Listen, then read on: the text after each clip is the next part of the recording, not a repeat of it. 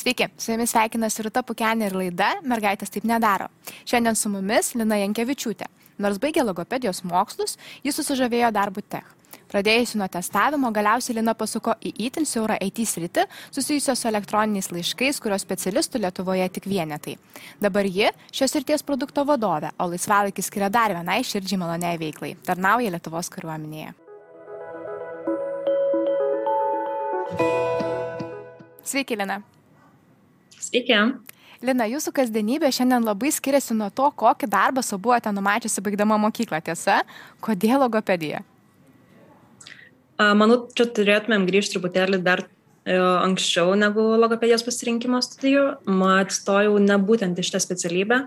Dar mokykloje žinojau, kad noriu stoti socialinę pedagogiką, mat man rūpėjo uh, socialinės problemos ir jų sprendimo būdai, psichologiniai dalykai ir panašiai. Pasirinkau šią studijų kryptį ir įstojau, tačiau susiklostė taip, kad atėjus pasirašyti dokumentų universitetą, man pasakė, kad nesudarė grupę šiais metais ir mane perkelia arba į logopediją ir specialią pedagogiką, arba man siūlo ištestinį studijų programą, kuri truktų 5,5 metų. Taip pat, kaip priedą prie logopedijos ir specialiosios pedagogikos, gavau pasiūlymą, kad pabaigusi šią studijų, šią studijų programą galėsiu gauti sutrumpintą versiją socialinės pedagogikos ir taip turėsiu tris specialybės. Per tą patį laiką, ką turėčiau su viena socialinė pedagogika ištesniam kursą. Tai kai tau yra 18 ir turi per 10 minučių padaryti sprendimą, imi tai, kad atrodo daugiau tikriausiai.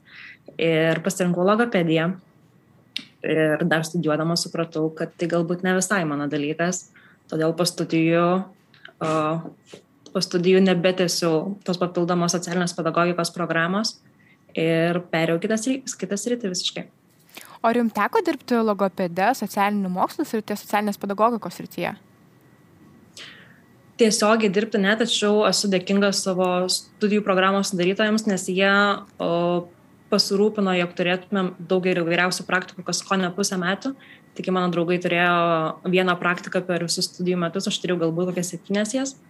Ir galėjau išsibandyti savo įvairiausiose srityse, dirbant su įvairiausiais vaikais, įvairaus amžiaus, su turinčius skirtingus sustrikimus sveikatos ir panašiai. Tai aš turėjau galimybę išsibandyti save šitose, šitoje rolėje, tačiau ne kaip po darbo, bet praktikos uh, praktikos metu. Tai tuo metu supratau, kad tai yra ne man, nes tikrai tikiu, kad pedagogas turi turėti pašaukimą ir didelį norą uh, dirbti būtent su tais sunkiais vaikais, su kuriais turėtų dirbti specialusis pedagogas ir logopedas. Ir labai gerbiu savo kolegės, kurios iki šiol tą daro po studijų metų, tačiau tai buvo tikrai ne man ir aš negalėjau tiesiog žengti šito žingsnio ir dirbti ko neatmestinai su vaikais, kaip man to priklauso jų ateitis. Todėl nusprendžiau pabandyti žengti uh, į kitą visiškai kryptį ir taip pasiradau informacinių technologijų srity. Bet pakeisti sritį vos baigus studijas net ir šiandieną yra gana neįprasta. Šeimai, artimieji draugai turbūt e, turėjo gerokai nustepti, kai pranešėte jiems apie susižavėjimą būtent testavimu. Kaip kilo mintis išbandyti tai?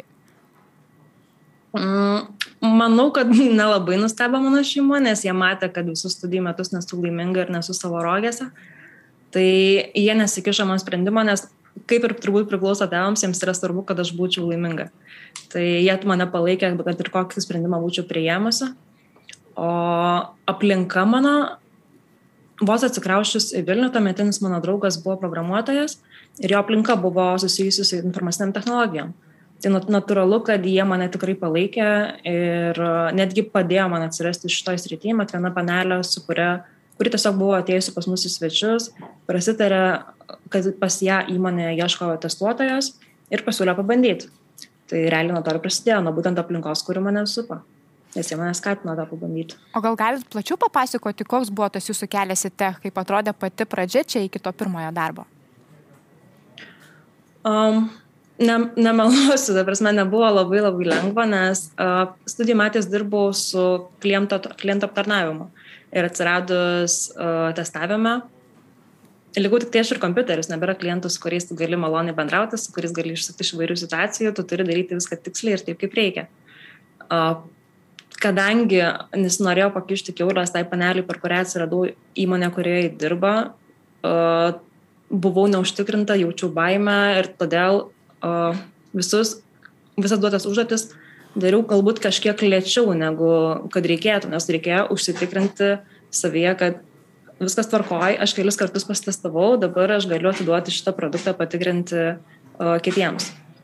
Ir, ir tai lėmė, kad aš nesijaučiau laiminga, aš nesijaučiau save, save realizuojant ir tai labai puikiai matėsi mano, mano darbe.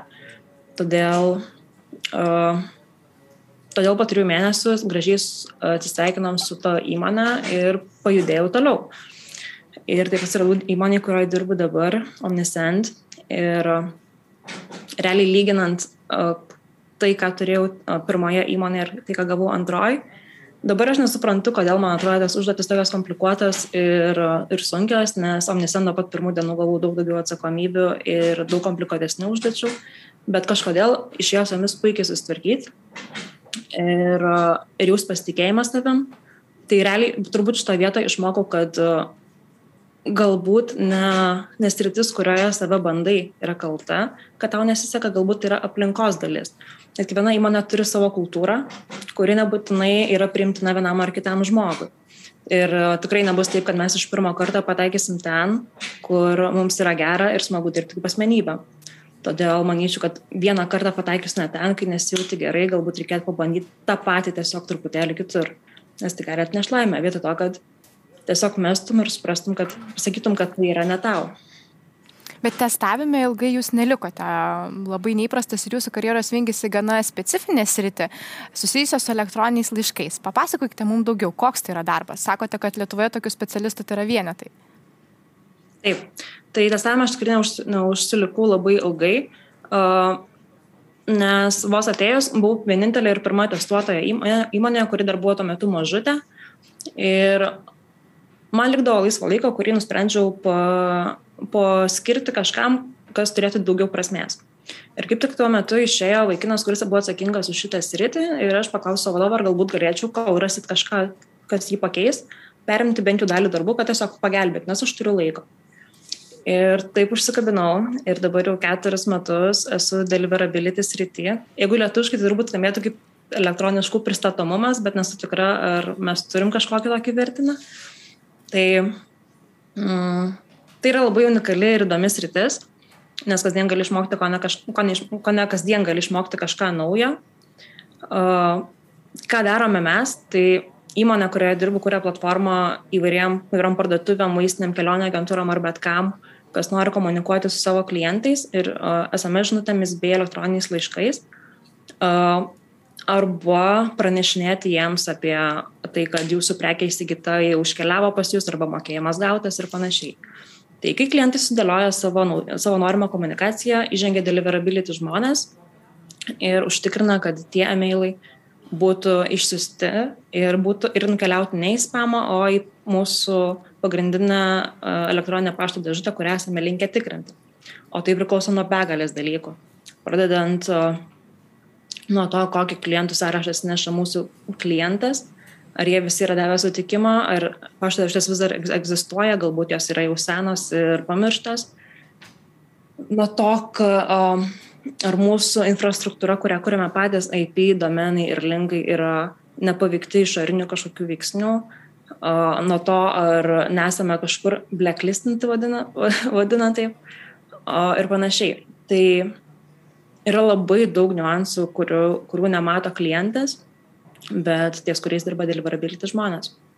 Bet sakėte, kad Lietuvoje tokių specialistų tai yra vienetai visame pasaulyje tūkstančiai. Kodėl jų yra tiek nedaug? Čia srities specifiškumas, gana nauja tai sritis, dar tik atrandama, kur slypi paslaptingumas šios profesijos kiek aš žinau, bent Lietuvoje nėra studijų programos, kuri turėtų kaip vieną iš dėstomų temų pristatomumą.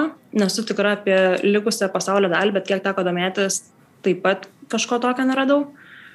Tai ko mes išmokstam, viskas yra per patirtis, per bendravimą su kitais žmonėmis, su kitais specialistais, per knygas, webinarus, podcastus ir panašiai. Tai mes visko mokomės patys.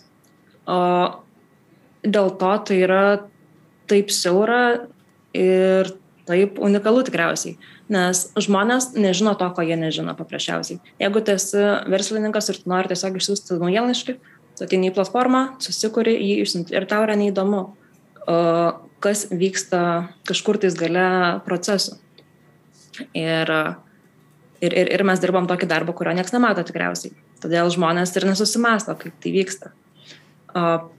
Todėl, kadangi, mūsų, iš kadangi įmonių, kurios darytų, panaš, turėtų panašią veiklą kaip Omniscent, yra Lietuvoje vos keletas, tai ir specialistų realiai yra tik tiek.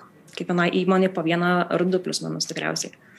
O pasaulyje mm, jų yra daugiau, todėl e, ir reikiamybė atsiranda vis didesnė pandemijos laikotarpiu, visi verslai daugiau mažiau keliasi į internetą ir elektroninė komercija tapo itin svarbi. O todėl, todėl, todėl šitas, šitos specialybės populiarumas turėtų, manau, išaukti šiek tiek e, artimiausių bent jau metų. Todėl, manau, galiu jaustis saugi, kad jeigu kažkas atsitiks, galėsiu rasti darbą ir kažkur kitur, nebūtinai Lietuvoje. Man atrodo, technologijų sritis išsiskiria tomis ateities specialybėmis. Turbūt dar gerai ir nežinome, kokius specialybių, specialybių reikės po metų, dviejų ar trejų. Bet kaip nepabūkti, kai tu keiti sritį iš vienos į kitą ir pradedi mokytis dalyko, kurio net universitete šiuo metu nedėsto. Nuo ko pradėti, į ką žiūrėti, na, renkantis tą savo ateities profesiją?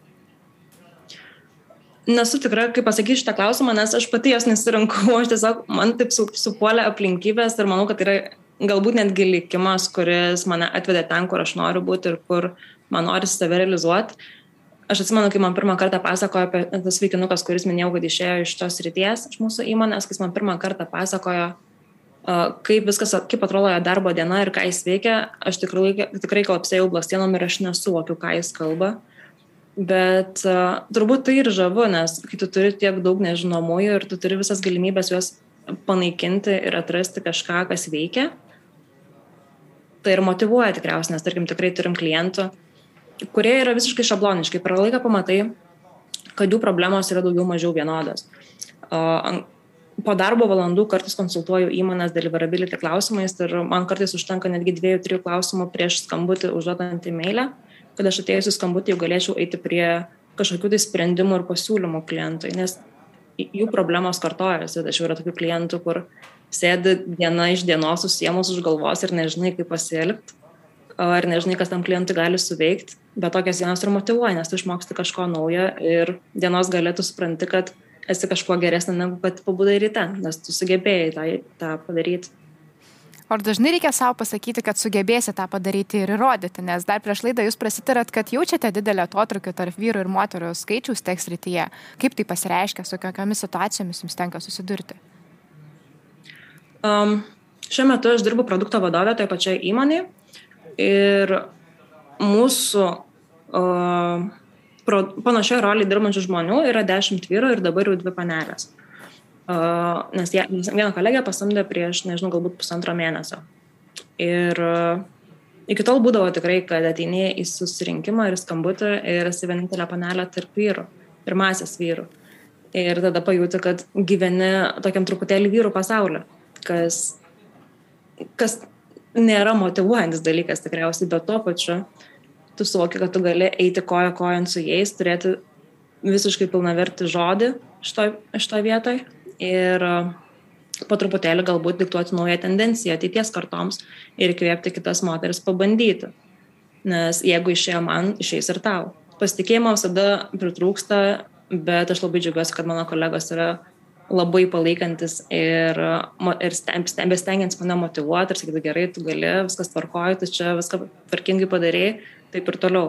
Nes norint, bent jau mano asmenybės dalykai, aš esu iš dalies perfekcionistė, dėl to man yra labai sunku atrasti tą balansą, kur kada jau yra tikrai gerai, o kada yra prastai. Nes man vis laik yra prastai, vis laik yra ne iki galo kažkas. Tai labai labai sunku iš tikrųjų yra um, jaustis patogiai ir jaustis padaręs kažką reikšmingo, bet, kaip ir sakiau, tos mažos pergalės, kai tu pamatai rezultatus ant popieriaus, kad tavo sprendimai tikrai atneša naudos klientams, labai motivuoja. Bet tas vyrų pasaulis jums nesvetimas ne tik darbe, bet ir laisvino darbo metu. Tarnaujate Lietuvos kariuomenėje. Kaip tokia mintis kilo? Na, vienu metu pastebėjau, kad mano gyvenime labai daug laiko užima būtent darbas, nes po darbo sėdėdavau įvairiuose podcastuose ir klausydavau, kas galbūt, kas galbūt bus naujo, dar nežinoma, bent jau vienas sakinys su kažkokia idėja, kurią galėsiu galbūt pati pritaikyti savo darbę.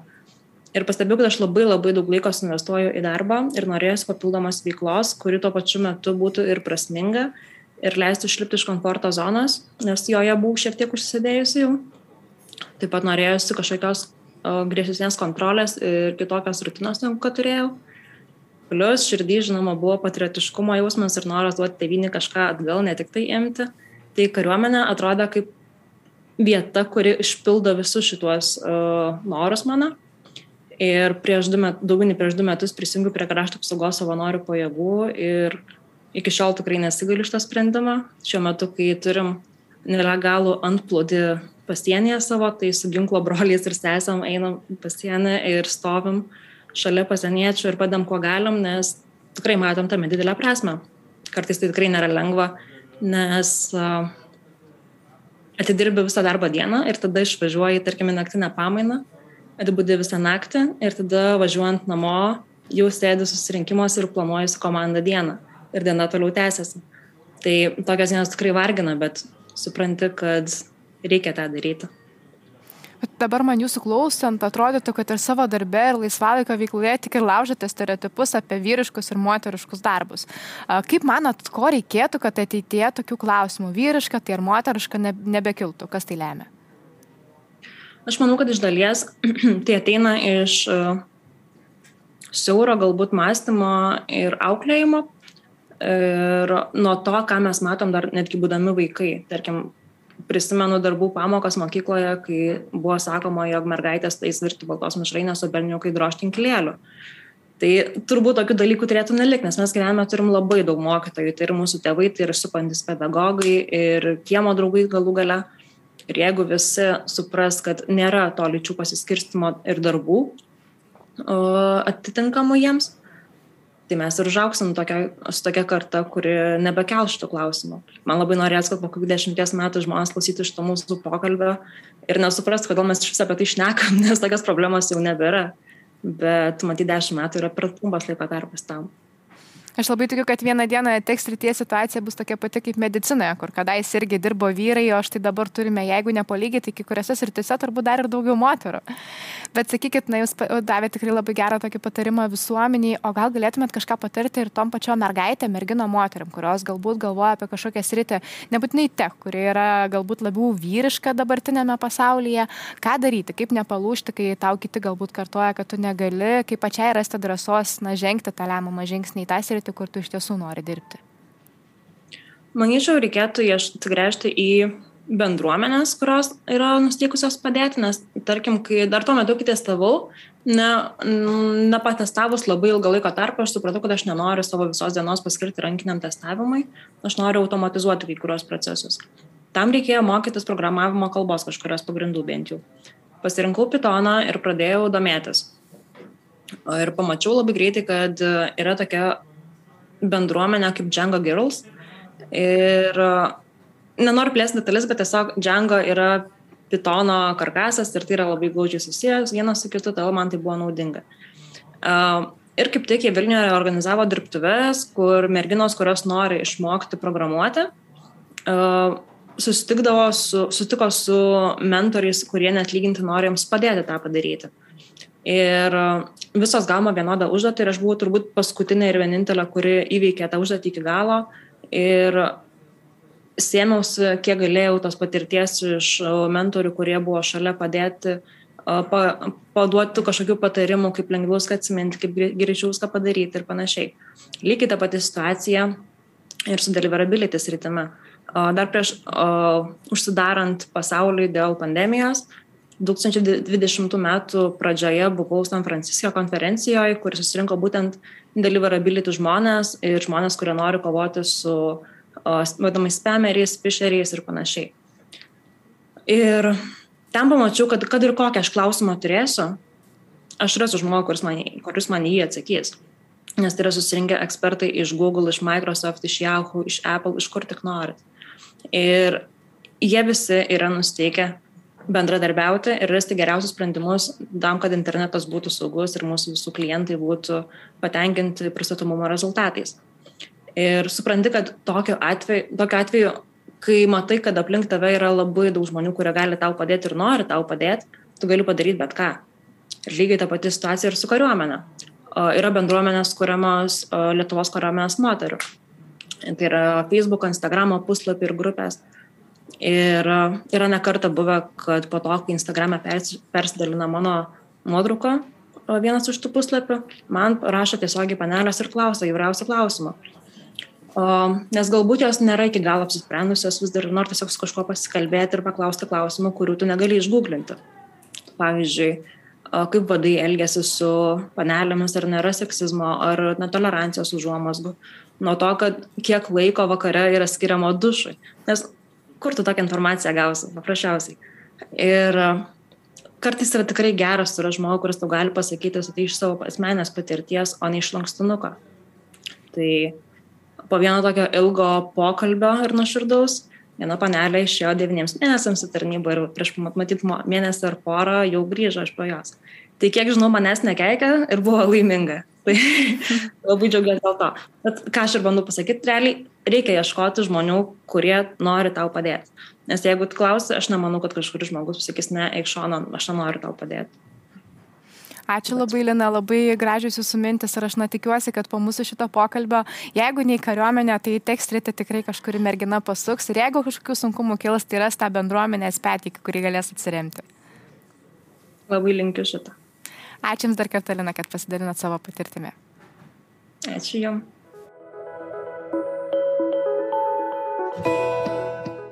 Ačiū ir Jums, mėly žiūrovai, kad buvote kartu su mumis. Tikiuosi, kad Linos mintis įkvėps ir paskatins nepasiryšti žengti tą lemiamą žingsnį į tech.